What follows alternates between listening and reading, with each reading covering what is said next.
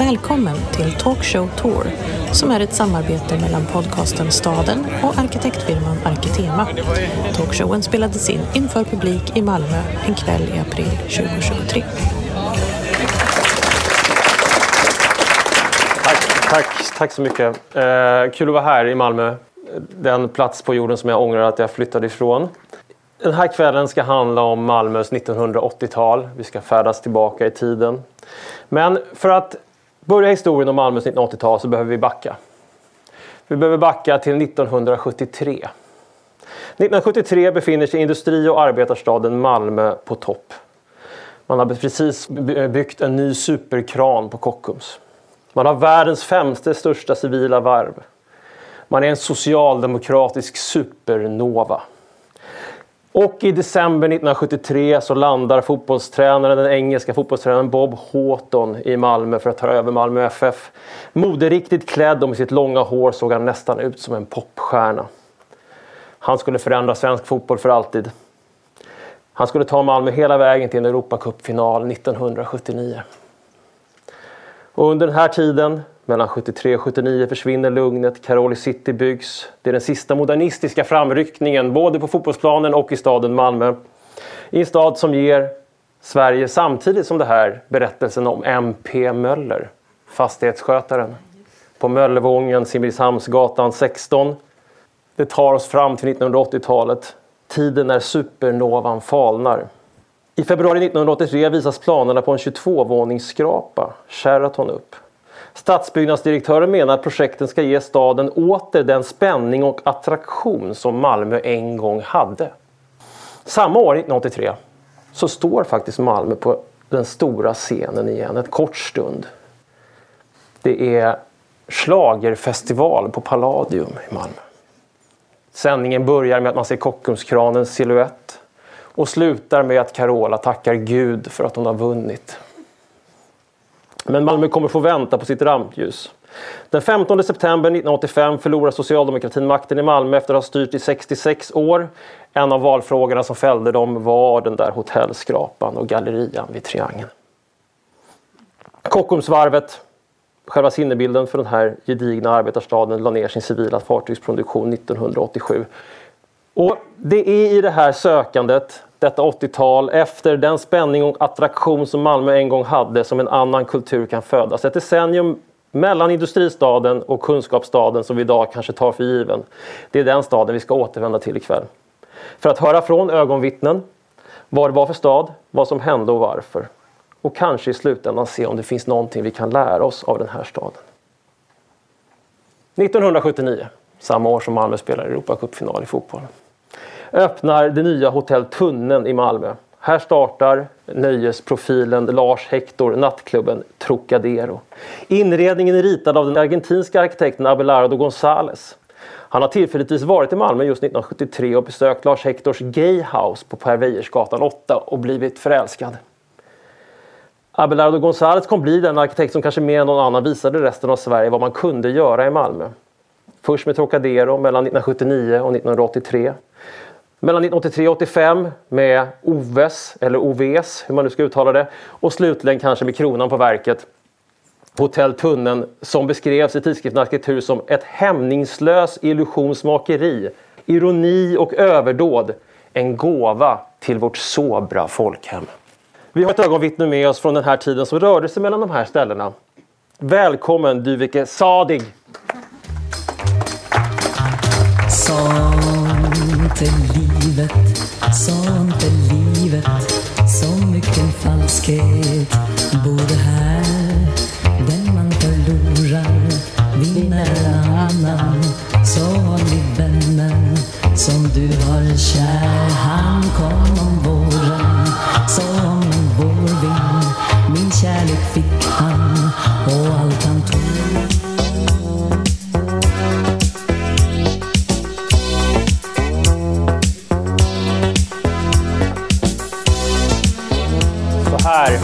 lät det på Club Trocadero 1979-1980. Vi hörde Sånt i livet eh, med Anita Lindblom såklart. Eh, man hade Anita Lindblom kvällar på Trocadero.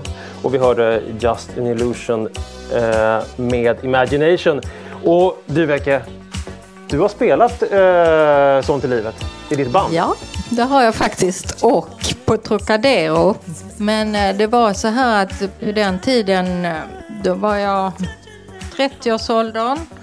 Ehm, precis nyutbildad från Beckmans i Stockholm och eh, man var ute i svängen och vi hade mycket kompisar som jobbade med musik så att vi bildade faktiskt en festorkester kan man väl säga som hette Impossibles. Vi spelade bara covers, men vi hade två proffsmusiker i bandet och det var Håkan Nyberg som var trummis och Peter Klemesson från Hoola Bandoola Band. Och sen var vi andra lite random reklamare och andra typer. Och jag hade en rosa elgitarr. Och Trocadero vi ser här i bakgrunden, eh, den zebramönstrade inredningen. Vi ser Lenin och eh, eh, Marilyn Monroe. Någonstans däremellan eh, befann sig eh, Trocadero. Men du Vecka, ta oss till Trocadero i Malmö av början av 1980-talet. Vad var det där för, vad var det för plats? Ja, det var ju en plats där alla samlades som var ute i svängen. Och det var ju också en plats som var öppen för, alltså den var väldigt frisinnad mot alla typer av människor. Och det var faktiskt första gången som, som jag fick se dragshow. Eh, eller inte första gången ska man inte säga att det var, därför att jag gick faktiskt i skolan med Christer Lindarw. Och på vår inspark så ehm, var det en skitsnygg tjej på festen som alla undrar vem fan är det? Sen när klockan slog tolv så gick hon upp på en, eh, det fanns en sån här Coca-Cola-lådor i trä på den tiden. Och då klev hon, han upp och strippade där. Och då var det ju Christer Lindarw. Och eh, sen kom han ju tillbaks då på 80-talet till Trocadero med eh, sin After Dark show med Lasse Flinkman och, och hela det gänget. Så där kunde det se ut när det var Anita Lindblom-kväll. Då var folk klädda som eh, Anita. Lars Hector eh, skriver ju själv om den här tiden att vi älskade att älta myten om det svängiga 60-talet och då pratar vi om 60-talet före Flower Power i vår då grått allvarliga proggby besatt av äkthet. Var, alltså, kan du beskriva den där relation, skillnaden mellan staden utanför och staden innanför här? Alltså 70-talet i Malmö var ju faktiskt skittrist. Det var liksom mörkt, det hände ingenting. Det fanns en pizzeria typ. Ja, det var skittråkigt. Det fanns ju lite biografer, det var ju det man gjorde på 70-talet. Man gick på bio.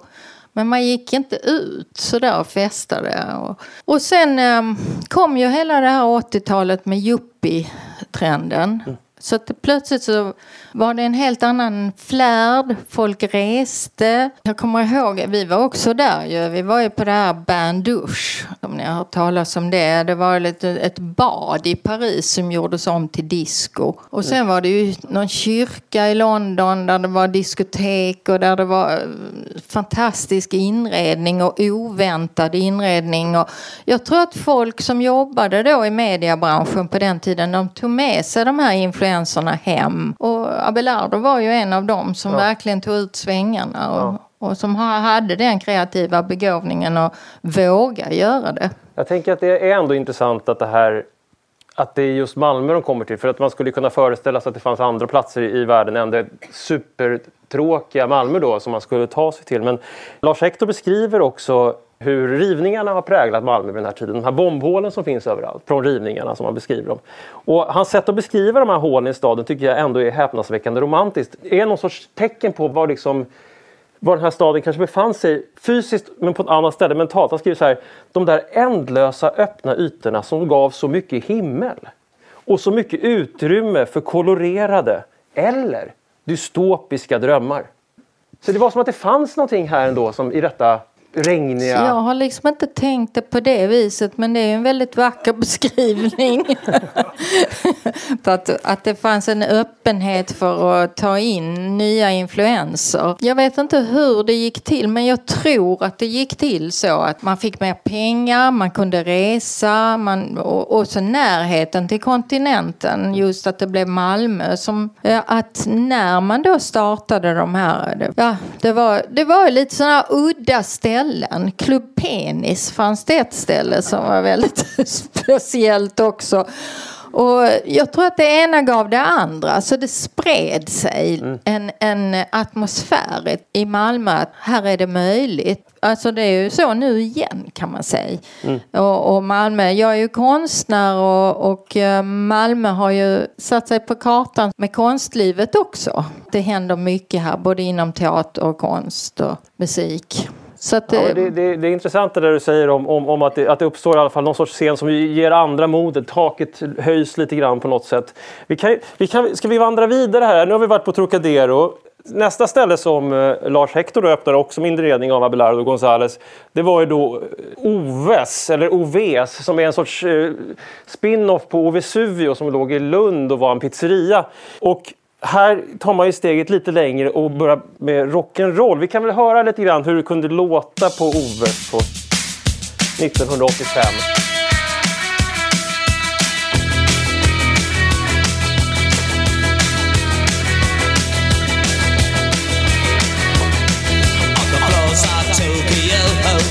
Down in London town to go go the record selection and the mirror's reflection. I'm a dancing with myself.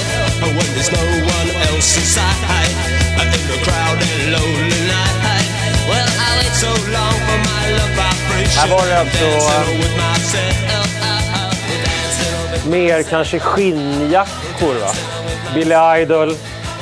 Eh, lite mer rock'n'roll. Eh, Abelardo González förklarade själv vad han försökte göra med sin inredningsarkitektur i en intervju som jag tyckte var intressant. Ungefär som teatern kan gestalta skeenden kan arkitekturen få oss att berätta historier. Det är en fråga om att aktivera rummet så att både rummet och människorna i det skapar sin egen teater. Hur kunde du förändras eller förvandlas av, att de här platserna fanns? Från den du var till den du blev så att säga. Jag förvandlades inte men jag utvecklades kanske mer. Alltså att man kände att man kunde utveckla de sidor som man hade inom sig. Som, det fanns liksom en, en um, vad ska man säga, en gemenskap och det var över gränserna också inom, det var ju inte bara rockmusiker utan det var ju alla som ville någonting eh, kreativt, vare sig det gällde ny musik eller ny konst eller ny arkitektur. Alltså jag tyckte man träffade väldigt många likasinnade fast inom olika genrer. Mm. Och det gjorde att man fick modet att utvecklas och våga satsa på kanske lite knäppa idéer utanför boxen sådär som, som ju inte gamla Malmö stod för direkt. Det var ju väl en arbetarstad down to earth liksom. Mm. Men eh, det hände ju mycket där på 80-talet. Mm gul och blå kom med kläderna. Och, mm. Ja men det hängde ihop på något sätt. Mode, eh, musik, konst, eh, arkitektur, mm. litteratur, Malmöpoeterna. Mm. Och, ja, det, det var liksom som en hel värld som öppnade sig där det var tillåtet också med gränsöverskridande vi kan, vi kan väl se in i den sista av de där världarna, den eh, som kanske var kronan på verket, nämligen själva hotelltunneln då, där Abelardo kanske gick full ja, blast på... Han beskrev det själv som att det skulle vara designat för ett sofistikerat och något blasé klientel. som skulle skrida förbi de här eh, Tutankhamon-maskerna. Det är gult och svart och tigerrandigt och golv av sand. Det var någon som berättade för mig att när det här öppnade så sprang det omkring råttor där nere som en sorts spöken från det gamla Malmö.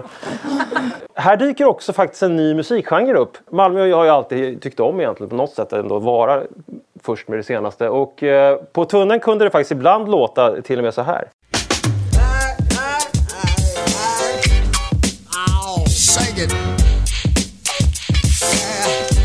Oh, you looking sweet, baby. Yes, indeed. get down.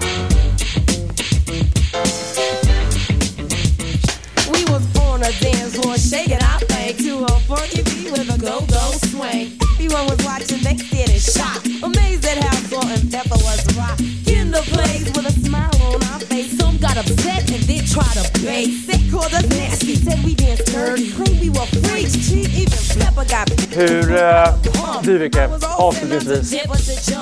Vi, vi kan ju bara se bilderna. Men du har ju varit där. Det var ju lite grann att människorna som gick dit, eller publiken då som hängde där, de var ju lika extrema som inredningen eller ville synas med klädsel och, och det är ju rätt så lustigt ändå att tunneln som är, det är det äldst bevarade huset i Malmö, eller husen i Malmö som finns kvar från slutet av 1200-talet som då fick den här supermoderna inredningen. Där publiken också försökte mäta sig med inredningen på något vis. Så man kunde ju se folk utklädda i de mest fantasifulla Sen knöt man ju kontakter, som jag sa då, inom de olika uttrycksformerna och kreativa personer träffade andra och man gjorde samarbeten. Och, ja, men så upplevde jag det i alla fall. Ja. Det var fantastiskt roligt att höra dig Dyveke. Eh, tack så mycket för, för dina berättelser. Mm. Eh, sitt kvar så ska vi... Eh, nu har tack vi ju själv. Får man en applåd?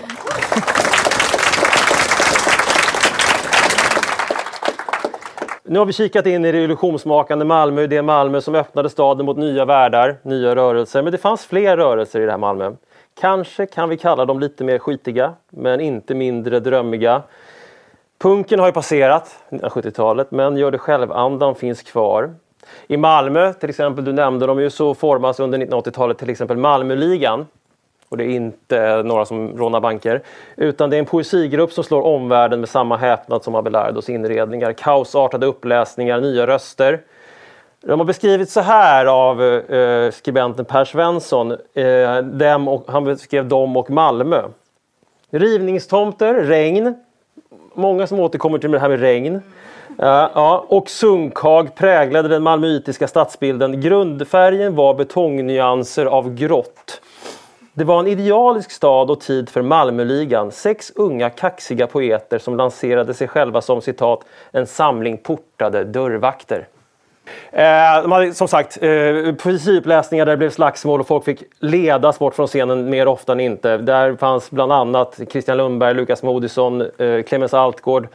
I den här andan av ridningstomter och betongnyanser av grått eh, det gråa kanske utanför det flamboyanta Oves och tunneln så fanns det också en musikrörelse kring konsertlokalerna Stadt Hamburg och Fredman så frigjorde sig postpunken. Och vi har faktiskt ett ögonvittne med oss också från detta subkulturernas Malmö, nämligen Mikael Björn. Välkommen!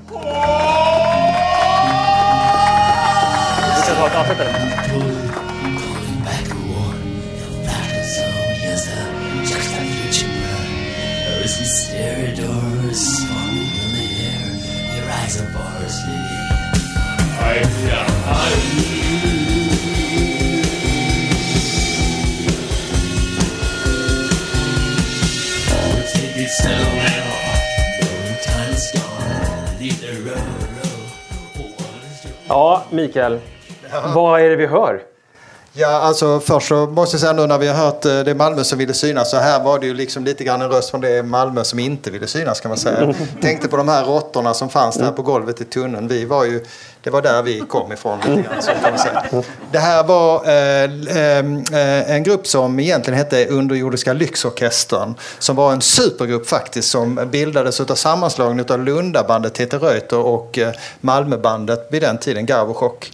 Eh, och eh, de, eh, de gjorde den här dekonstruerade varianten av en av låtarna på, på, på, på MP. De gjorde bara en MP, medium play hette det. Det mm. fanns sån här mittemellan LP och singel på den tiden. Som heter Lögnens mästare och där, där, gjorde de den här låten på, den fanns på svenska, det här var en dekonstruerad engelsk variant och därför så dekonstruerade de sitt eget namn också och blev Ulyx på denna. Ja, den hette Through the Door. Och Through den door. gav ni ut på, eh, i det fanzine som du hade som hette ID. Ja. Eh, och eh, där gav ni ut flera Malmö-baserade band som Harry Covert och, och, och, sådär. Och du har också gett ut två romaner eh, som utspelar sig i Malmös 80-tal. En som ljög och eh, Flaskpost. Mm. Eh, så att, du när du beskrev för mig den här låten i ett mejl till mig så skrev du så här att det är kanske den bästa låten som gavs ut på skiva i Sverige 1983. eh, I alla fall den mest kompromisslösa. Eh, när du skriver kompromisslös, hur menar du, vad menar du då? Det är ju inte mycket eh, liksom, låt kvar i detta utan de tänkte på vad är det egentligen vi försöker åstadkomma här. Det är ju liksom en massa oväsen. Ja. Så de plockade ut det, allt som var oväsen ur originallåten och, och, och gjorde om den till detta. Så det blev ju väldigt, alltså de gjorde vad de ville med detta och, och eh, brydde sig liksom egentligen inte så mycket om om det var landade någonstans. Men, men, men då är man ju kompromisslös. Så, att, så att det var ju verkligen, eh, alltså, och det var ju en del musiker här som blev hyfsat kända sen. Peter Ivars som spelar väldigt unik bas här. Han var med i Reeperbahn senare exempelvis då. Men, men kan man härleda den här kompromisslösheten på något sätt till, till den här, om vi ska återvända till Malmö som stad så att säga. Vad, finns det någonting liksom, eh, som, som, som, som finns här som, som i det här, den här subkulturella rörelsen som du rör dig i? Ja, alltså tillbaka till det här då med att vi, vi hörde Malmö som ville synas. Det här, om detta då representerar det Malmö som inte ville synas så var det ju våga vara sig själv, att inte gå i ledband. Vi, vi kom från eh, det här socialdemokratiska Malmö där det fanns ändå liksom eh, saker som man borde göra och p- progrörelsen i musiken och så vidare. Där fanns ju väldigt tydliga regler och nu handlar det liksom om att inte ställa upp på det, att, att, liksom att, att, att, att bryta de här reglerna på olika sätt. Men det gjorde man inte på något organiserat sätt utan det var ju väldigt fragmenterat och, eh, och därför så kunde man liksom, behövde man inte kompromissa med någonting för det var ingen som skulle man, man var ju liksom inte så synlig så att någon egentligen från början i alla fall skulle reagera på det. Sen, sen växte det ju förstås. Jag tänker det, i samarbete också, jag tänker jag har läst lite grann om Malmöligan, de här poeterna också. Om, om 70-talet är präglat om att liksom uppfinna kollektiva rörelser, att liksom hela tiden gå på led tillsammans och upptäcka någon sorts rö- gemensam rörelse, så är ju det här något helt annat. Det är mycket mer individuellt. Ja, det är individuellt. Men det är klart att det var, fanns ju mycket politik också i, i det hela. Det var bara det att det fanns inte en enhetlig politik utan det fanns ju alla sorter.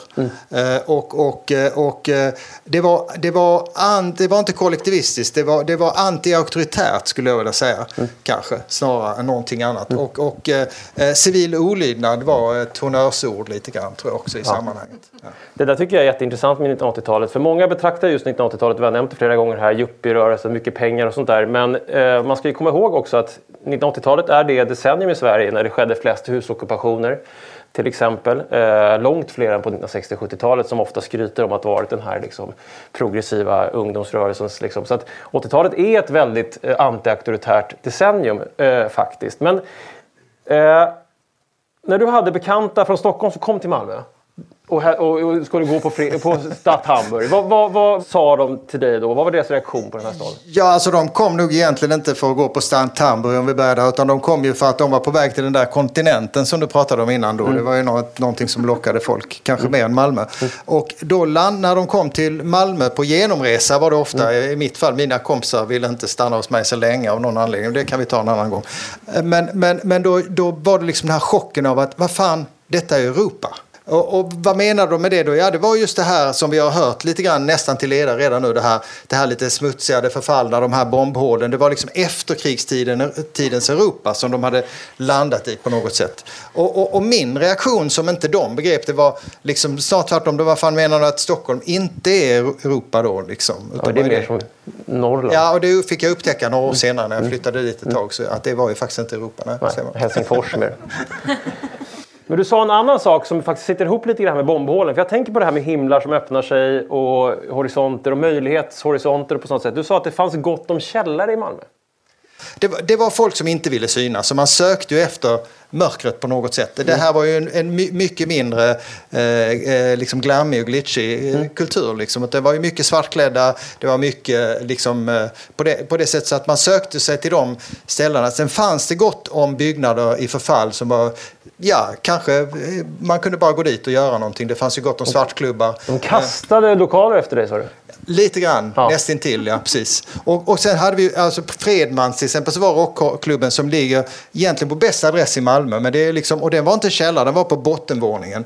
Men det var ju som att gå ner i en källare när man gick in där. Det fanns ing, alltså man går in i en lång trist korridor. Den var i och för sig vitmålad, men sen när man kommer in i lokalen finns det inga fönster. Det är trångt och kyffigt och lite sådär fuktigt, fukt i väggarna känslan. Så att även på första våningen kunde man ha en källare. Liksom. I, bara i Malmö. Det är bara i Malmö. Men det handlade ju lite grann också om att de som verkligen ville göra uppror, de hade ju inga pengar heller. De kunde ju inte hyra några flotta klubbar och, och sådär. Utan det, det blev ju källarlokalerna och de här... Det fanns ju någonting på den tiden som hette rivningskontrakt. Och då, då poppade ju upp olika eh, tillfälliga, det man kallar pop-up butiker idag. Det, det var ju pop-up-klubbar och Ja. pop-up underground. Eller lite grann pop-down. Ute På Ja, Värnhemstorget- pop-down. På Värnhemstorget så fanns det en del sådana klubbar som ja, var... precis.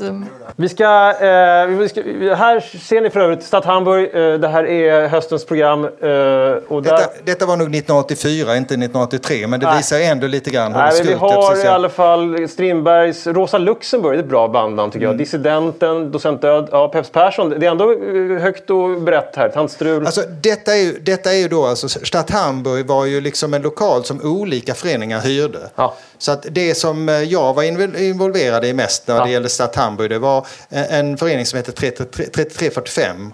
Och de organiserade ju med postpunkkonserterna. då. Så vi har till exempel, jag tror, alltså Tuxedo Moon här var nog där, till exempel Exmal Deutschland var nog där. Det finns ju en del som... Deutschland, ja. Ja, precis. Det finns ju, Lolita Pop kanske, det vet jag inte. Lolita Pop var kanske hyfsat stora. 84, jag kommer inte ihåg riktigt faktiskt. Men, Emma Numminen spelade där. Men vi kan lyssna på några som kanske spelade där då. Eh, eventuellt. Biljardakademin.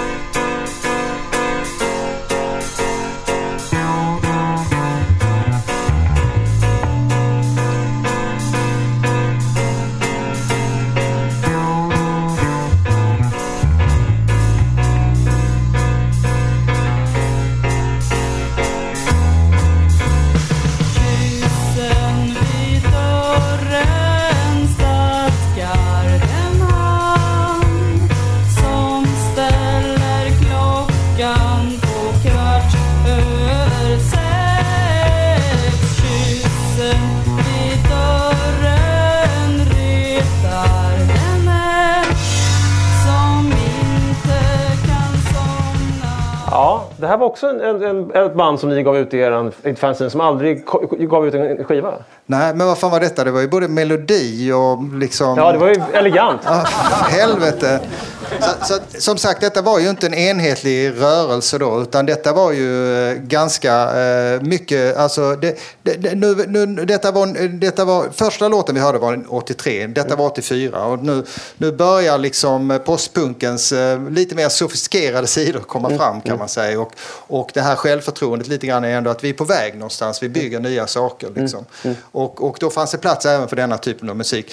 O, o, so, sorgligt nog outgivet då. Biljardakademin, Sveriges prefab sprout. Exakt. Ja.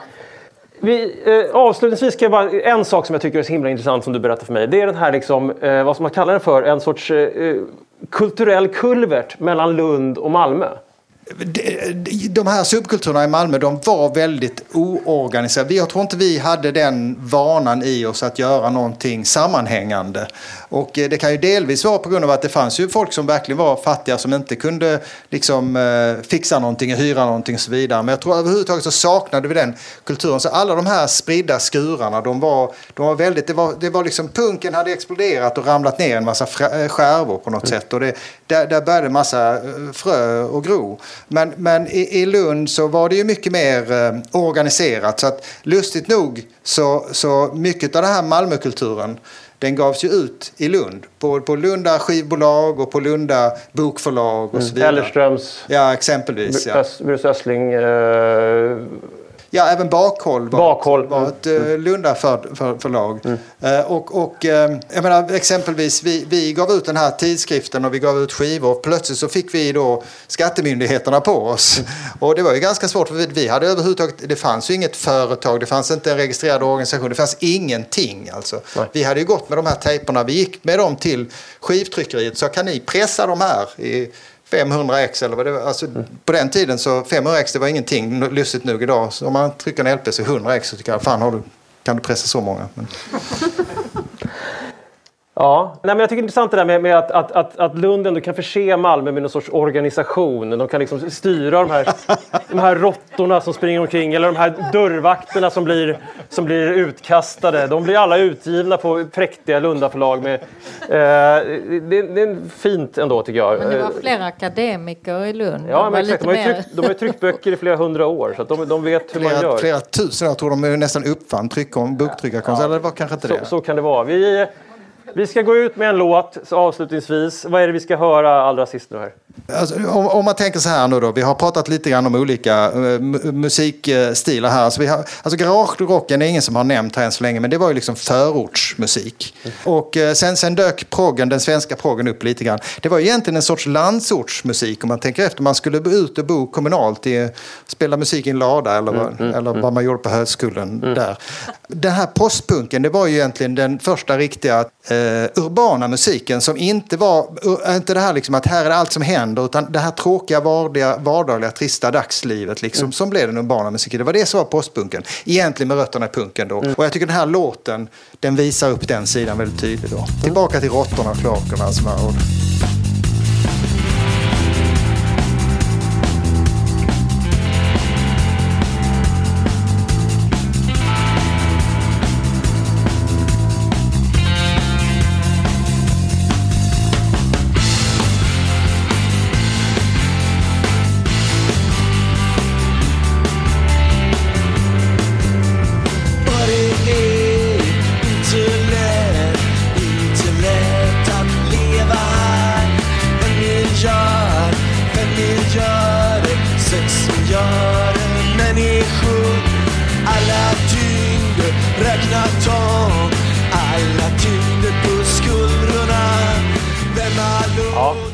Skuggorna och eh, det omöjliga livet i Malmö i form av eh, Garbuchoks eh, ritual. Precis, ja. Mm. Tack så mycket Mikael. Nu har vi fått de levande ögonvittnesskildringarna av Malmös 1980-tal från rännstenen. Och Jag är också akademiker ska jag säga, så att jag ska inte, jag ska inte liksom... Nej, nej, du ska inte kokettera med denna... Nej, nej, absolut inte. Den här underground. Nej. men tack så mycket Dyveke och Mikael. Nu ska vi prata om arkitektur. Som jag sa, Caroli City byggs som en sista suck från modernismen. Kvarteret Korpen, Bo Widerbergs kvarteret Korpen blir parkeringshus.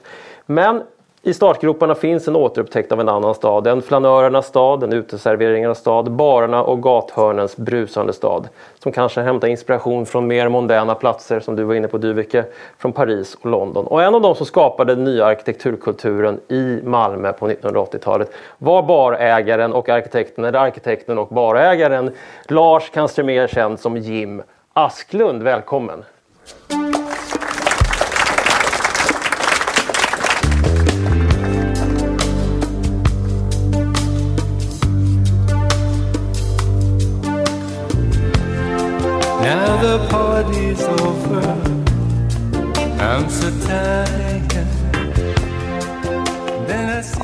Spelar vi ju Roxy Music här bara för att vi ska komma i den rätta eh, stämningen. Eh, för att prata om arkitekturen i Malmö under 1980-talet har vi också med oss arkitekten Katarina Rundgren. Välkommen!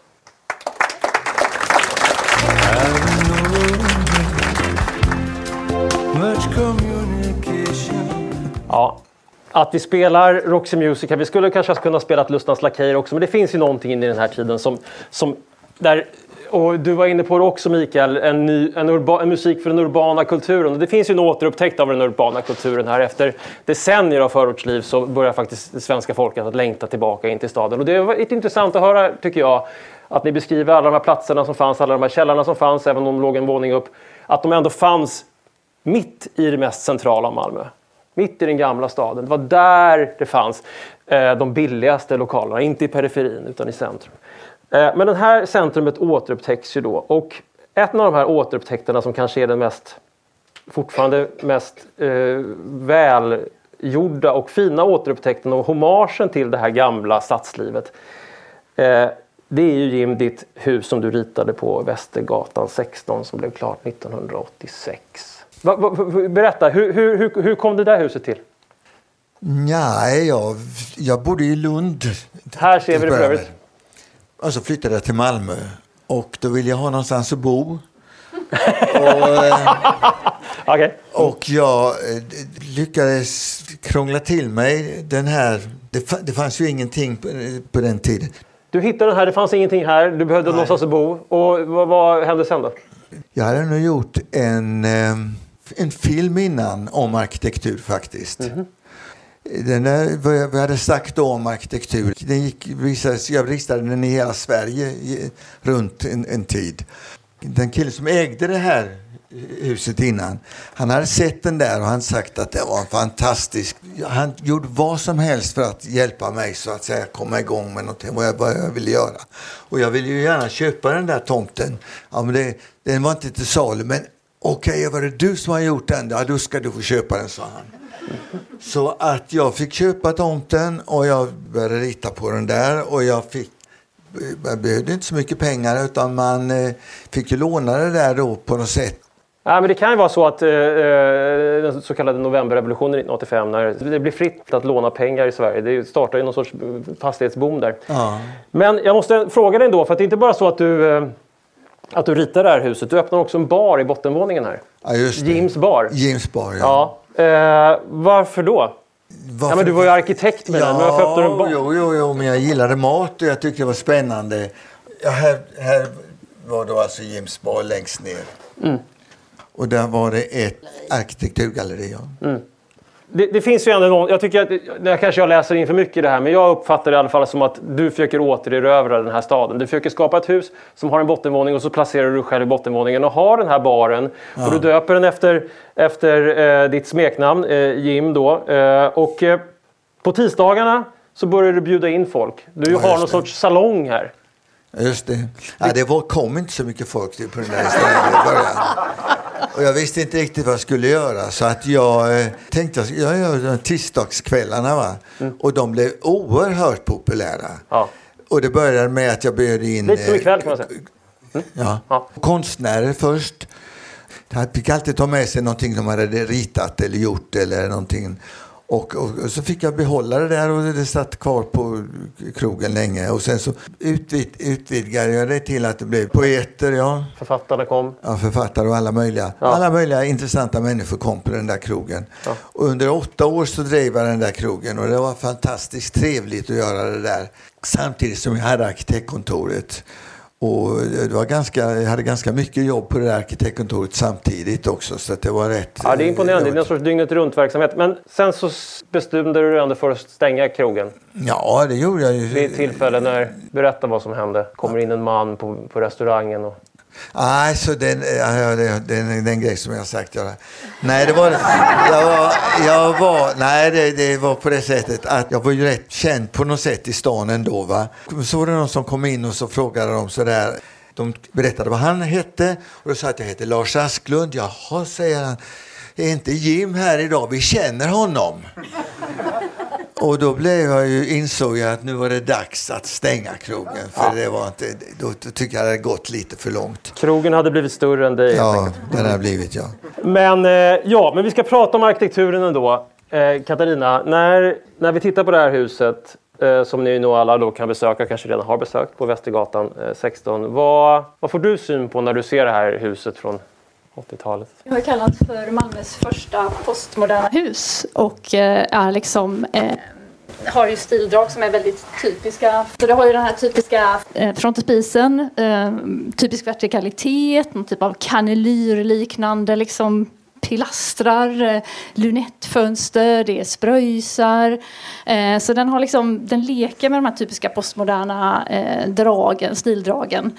Och liksom markerad sockelvåning och eh, men framförallt tycker jag att det också är en tydligt avsteg från mycket av arkitektur man sett innan, att den verkligen vill kommunicera med, med omgivningarna, liksom, med gatan. Den plockar upp fönster, Rätt, rätt. Fönstrens... Och eh, det, det, är rätt, det är rätt, rätt intressant det här va.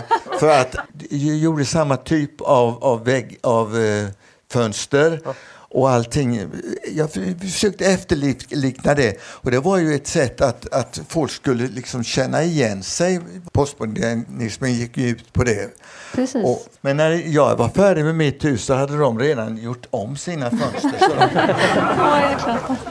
Ja, men det är så. just att eh, liksom modernismen tidigare kanske inte brytt sig så mycket om just den kommunikationen, eller att folk ska känna igen sig. Det är snarare liksom varit dåligt att inordna sig i staden. Men så att det är liksom ett lite Ja, nytt ja, grepp, liksom, att, du, att du passar in. Liksom. ja. Så att det finns så här lite teatrala aspekterna på något sätt. Det blir liksom lite, det är liksom lite humor i det på något sätt. Också en viktig del i liksom den Och postmoderna därför kunde då insidan kasta loss mer. Precis, den är lite kanske Ja, men det tyckte stramare. jag, det tyckte liksom jag var spännande när jag var där precis. idag och lyckades komma in på gården. För Ja. att, Eh, det kan man ju då alltså ta sig in på gården och då ser man baksidan av, av eh, den här fasaden som vi såg så ser det ut så där.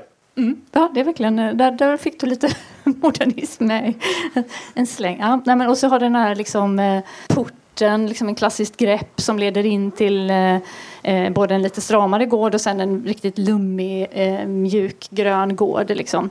Så det finns liksom de här eh, många lager i det. Liksom. Men den har också, plockar också upp flera andra liksom, typiska tendenser för den här tiden som jag har förstått, jag har noterat. förstått precis vad jag har jobbat med. Det, verkar, det är fantastiskt. Ja, ni vet. Ja. Nej, men eh, just att om man tittar på planlösningarna så är de ganska ovanliga för tiden. Som är, det, som, det som byggs under miljonprogrammet är väldigt strikt normerat. Liksom. All, allting ser väldigt likadant ut. Men du har ju bara jättestora öppna planlösningar och så pyttesmå kök. För skulle man leva, liksom, nu är man i staden, nu lever man i urbant, nu går man ner till Jims bar när man ska käka. Liksom. Man behöver inte vara hemma så mycket. Det ligger något i det. Eh, Så att det var liksom, du, du programmerar in det Ja. från början. Men att det finns det här superintresset för staden som du nämnde också. Där. Liksom det här, eh, den här tiden har det här återuppväckta intresset för, för stadskärnorna så att säga.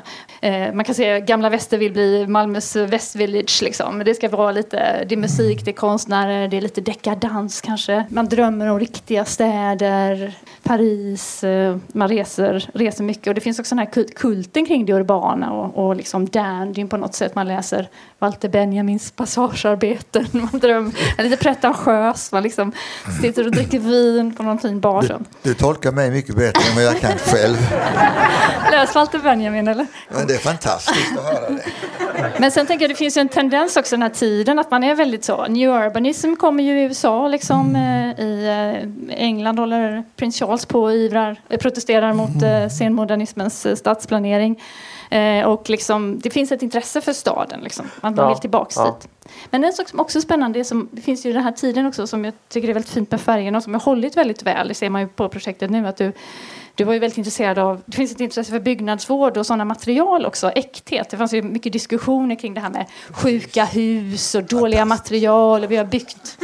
Så du har ju jag förstått att jag har läst mig till att du har målat fönstren med linoljefärg själv, för det finns ingen målare som vill göra det. Och det är kalkfärg och det är liksom eh, bränd sienna och engelskt rött. Och det, är liksom, alltså det är de här liksom riktiga material. Så det var ju väldigt populärt bland de här kulturarbetarna som Ja, nej, men det, det finns ju en, en, en längtan efter hantverk efter kanske decennier av, av eh, och det som gör att det här efter decennier av industrialiserat byggande, men det som gör det här huset lite speciellt tycker jag, som gör att det sticker ut också ur en svensk kontext, det är ju faktiskt delvis det som du nu säger, nämligen att det här är ett postmodernistiskt hus som ändå är gjort som ett hantverk. Ja. Väldigt mycket av den svenska postmodernismen blev ju gjort med den gamla tekniken. Eh, nya former med en gammal teknik vilket gjorde att man massproducerade egentligen bara nya former istället för att bygga dem från grunden. Vilket gör det intressant. Men jag tänker att vi ska ta gå vidare när det gäller arkitekturkulturen i Malmö under den här tiden. För att precis som när vi pratade om musikkulturen och eh, eh, konst och eh, nattklubbskulturen om vi kallar det så, så, så är det en ganska stor mångfald i eh, Malmö vid den här tiden. Vi har pratat om Abelardo González och hans liksom flamboyanta inredningar som tycks bli liksom mer och mer uttrycksfulla för varje år fram till 80-talets slut. Vi har eh, den ungerska eh, arkitekten Ivo Valdör som kommer hit och gör färgglada eh, eh, mintgröna lyktstolpar och busskurer. Eh, och så har vi eh, dig Lars här bland annat som också liksom inte bara är arkitekt utan också är gym och har en bar. Eh, och, så jag tänker, det är någonting att det finns plats för karaktärer inom arkitekturen som, som, som vågar liksom ta plats och, och, och visa sig i den här staden. vid den här tiden. Stämmer kanske. Ja. Vad, vad, vad beror det på tror du? Jag tänkte att det har lite att göra med det ni pratade om också, att det fanns det här suget efter liksom, eh, kontinenten och folk som hade den här utblicken som Abelardo och Ivo Valdör och eh, liksom du själv, alltså man har ett litet försprång på något sätt men när man har kontakt med liksom andra kultursfärer på något sätt kanske. Ja, men den här tiden är ju rätt intresserad av, av eh, och framförallt postmodernismen var ju väldigt liksom inspirerade av sådana här IBA i eh, Berlin till exempel. IBA 87 var ju ett sånt Oh ja, stort projekt oh ja. och även tidigare att många reste dit och inspirerades av det. Och, och också det sättet att bygga stad på när man liksom försökte mer återskapa och, och liksom, inte riva ner utan liksom på något sätt kritiskt rekonstruera liksom en, en ny stadsväv eller nya projekt. Vi tar oss vidare i... Eh, vi ska ta avrunda eh, Malmös 80-tal med det sista stora som händer här som kanske också på något sätt ändå är en språngbräda in i eh, framtiden. Även om det är så att Malmö under 1990-talet faktiskt är på ganska rejält på dekis. Man, eh, Ilmar Reepalu och Percy Lindholm skriver till och med ett brev 1995 till statsminister Göran Persson och hävdar att de behöver stöd för annars kommer staden att gå i konkurs. Men innan dess så eh, försöker man i alla fall med ett av stadens största 80-talsprojekt, nämligen Triangeln. Staden söker lite grann efter en ny identitet, inte minst socialdemokratin. Det gör ju socialdemokratin generellt under 1980-talet. Man lanserar löntagarfonder, man släpper kreditmarknaden fri, man vet inte riktigt var man hör hemma någonstans. Man... Och den här, eh, den här byggnaden får ju eh, enorm eh, kritik när den ritas, eh, eller när, när förslagen kommer. Kan se, här ser vi eh, eh modellen och här har vi hela, kan man säga, eh, från ungdomen till ålderdomen som, som är här och tittar på det här nya planprojektet. Här ser vi också att Södra Förstadsgatan faktiskt är inglasad i den första eh, idén om det här projektet. Och vad ska, då här, vad, vad ska då Malmö göra? Vad är det det här Sheraton ska göra för någonting?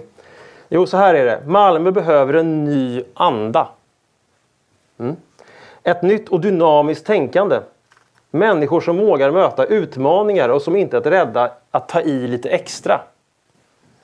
Malmö behöver fler jobb, nya livskraftiga företag, nya affärer, bättre kommunikationer. Och Sheraton och Triangelprojektet blir på något sätt symbolen för den här nya, eller första försöket i alla fall, att ta sig an eh, den här eh, nya andan. Och, eh, det möts då av det är demonstrationer mot eh, Triangelprojektet, bygg ett mänskligare Triangeln. Var är vi nu i, eh, i Malmös 80-tal, Katarina? Alltså, det här är ju det här är liksom kanske lite brytningstiden. För jag tror att det här projektet har en ganska lång, eh, lång liksom process. Nu ska jag inte vara för långrandig, det finns ju hur mycket som helst man kan säga om detta. Men det är ju väldigt... eh, Det, det börjar ju liksom... Staden har en tävling om ett, eh, ett liksom konserthus på Triangeln då så att säga. Som, som, Musikens hus musikens hus. det. Ja, precis. Det låter ju Lite- väldigt så lovvärt, attraktivt för, liksom, för alla. Men så läggs det ner, man har inte råd att bygga det. Men i lite smyg så börjar Riksbyggen tillsammans eh, eh, med sin arkitekt skissa lite på något bostadsprojekt där och kontaktar staden. Och så blir det en liten liksom, intern grupp inom Malmö stad och med lite andra, med Riksbyggen, Folksam eh, ehm, ehm, och Solidar, alltså Domusvaruhusen, så börjar de jobba på där några år. Liksom. Det är också sådär lite Malmö-anda över det hela så att säga. Så att eh, personen som leder gruppen också är kommunstyrelsens ordförande och byggnadsnämndens ordförande. Men tjänstemännen vet ingenting. Och så. så när de presenterar det då, 83, då blir det ju kaos, liksom. Totalt kaos. Och så, så börjar de här demonstrationerna och så blir det liksom bråk och sådär. Eh, Moderaterna, ja du pratade om maktskiftet då. Det var ju Moderaterna, eller borgarna lovade ju att stoppa triangelprojektet. Men så visade det sig att det var omöjligt för det hade gått för långt och för många avtal skulle bytas. Så det är liksom en, jag tänker att det har att göra lite med det här lite proggare 80-talet i början. Eh, när man fortfarande liksom vill något annat. Och sen så övergår liksom projektet och följer med sin tidsanda lite längre när 80-talet blir lite mer eh, flamboyant och glamourigt och pengarna är lätta att få tag på och sådär. Så det är ju liksom en speciell typ av projekt som ligger i det här 80-talet som inkorporerar båda. Protesterna handlar liksom om det tidiga 80-talet kanske och sen byggs det liksom färdigt i det nyare. Så att det är, men det är ett projekt som verkligen Eh, vi ser liksom ett imageorienterat Malmö kliva fram kan man säga. Mikael, kommer ni ihåg när, när, när det här planerades? Var det någonting som dök upp på era radar? Det, var- det var väldigt eh, mycket motstånd mot det kan Mm. man säga. Och eh, jag har väl lite svårt för att titta på det här huset fortsatt idag om jag säger så. Ja, varför då? Alltså det här marmoreländet. Nej, det, är inte, det är inte mitt Malmö som finns i, i det här Sheratonhuset. För det är, någon annan, det är något annat hotell där nu. Eh, Jag har mycket svårt för det. Jag är lite, lite inte så där förtjust i de här olika köpoaserna som fortsätter att poppa upp här och där. Entré var ju ett annat sånt försök senare då. Det gick inte heller så bra och så vidare. Liksom det, ja. Det är ett annat Malmö, det är ett nytt Malmö. Men det är just de här höga husen i Malmö har ju aldrig riktigt handlat om att typ Eh, ekonomiskt eh, betingat utan det har ju handlat om något annat. Det är liksom en symbolfråga väldigt mycket. Och triangeln sågs ju som, eh, triangelprojektet sågs ju som en kamp om liksom Malmös själ i liksom det historiska och geografiska hjärtat. Liksom. Och att man ser, kan se det som att det stakar ut liksom en väg där liksom huset ska bli en katalysator för ett nytt sätt att se på Malmö. Att det, sig, det ska liksom inte berätta om en speciell tid utan staka ut en ny tid för Malmö i den här lite nedgångna staden som söker sin identitet. Där ska det här symbolhuset hjälpa till och liksom, eh, bli en motor för att eh, eh, bilden av Malmö ska förändras. Liksom. Ja. Och jag tänkte att vi skulle avsluta där, eh, kanske i, eh, ändå i någon sorts idé om, om framtiden. För att, som jag sa inledningsvis, man kan ju lära sig saker av historien. Ja, nu, är, nu har vi pratat om, om 80-talets Malmö här. Jag tänkte att ni alla skulle ändå få, få den här sista frågan. Vad kan vi lära oss av 80-talets Malmö, Dyveke? Nej, men jag tycker att eh, det som jag minns från 80-talet och som vi kan ta med oss det är ju den här öppenheten att allt var möjligt eller att eh, blicka framåt. Och det tycker jag det lever fortfarande kvar tycker jag. i- Du tycker det? Det, det, det? Det är så att vi behöver mer av det? Jo, jo, jag tycker vi behöver mer av det men det, fi- det finns, det lever kvar. Tycker jag. Sen var det ju en svacka på 90-talet men jag, jag tycker att atmosfären i, i Malmö idag är Alltså bär med sig mycket från 80-talet om man ser på den yngre generationen och, och deras ambitioner. Och, Mikael, vad, du lämnade ju Malmö på 90-talet och så har du kommit tillbaka. Ja. Vad kan vi ta, lära oss av 80-talets Malmö? Ehm, nej men alltså jag, det är väl, jag är väl lite färgad av min, eh, mitt 80-tal då på det sättet att det var den här anti- anti-auktoritära känslan som var ganska genomsyrade väldigt mycket. Vi, vi kom från olika, som jag nämnde precis att jag är akademiker och så vidare, men vi kunde umgås över klassgränserna om man uttrycker sig så, på, på så sätt att vi hade liksom alla samma vilja att skapa någonting nytt och någonting annorlunda och inte bli styrda av folk. Jag tycker vi är på väg in i en period igen här nu där det är väldigt mycket auktoritära krafter i samhället på olika sätt. Det är stora företag, det är, det är stora politiska eh, rörelser på gång som, som eh, försöker tala om för oss hur vi ska tycka och tänka. Och jag tycker det här liksom känslan av att försöka tänka till själv och, och liksom inte ta det där på för stort allvar är någonting som jag skulle vilja att vi lär oss av från Mm. 80-talets Malmö. Mm. Katarina? Eh, jag tycker det, när man tittar på den här arkitekturen och den mixen av liksom, eh, attityd och testa nytt och utan någon direkt nostalgi mixa ihop alla möjliga typer av stilar och sådär. Jag tycker det är ganska inspirerande. Jag tycker också det är kul med den här olika fasen. Om man tittar tillbaka på 80-talet. Det har liksom det fanns en enorm kritik mot hur man byggde, så att säga. Man byggde likriktat, modernistiskt och det, man gjorde någon vändning, så att säga. Vi har, ju haft, vi har ju samma typ av kritik mot hur det byggs i Sverige idag och hur kan man ta sig ur det på ett kreativt, nyskapande, roligt sätt. Om man då till exempel, som vi nu verkar vara, på väg in i en kris. Det kan ju vara en omorientering. Mm. Jag eh, tycker att det har varit väldigt roligt att höra er. Eh, tack så jättemycket för eh, det här talkshowen var ju då som jag sa ett samarbete mellan Arkitema och Staden Podcast. Och eh, tack till eh, Edvard Svan som har spelat musik här idag. Och såklart tack till alla medverkande, Dygveke, Mikael, Katarina, Jim. Jag ska avsluta här med att läsa en eh, dikt ur Clemens Altgårds, en av Malmöligans medlemmar, eh, eh, bok Jidder. Så låt dem bara färdas för sig själva under mudder mot kanalernas dävna vatten. Imorgon ligger Malmös gator åter badade i ljuset från det stora eldklot som långsamt fräter hål på spåren natten lämnat.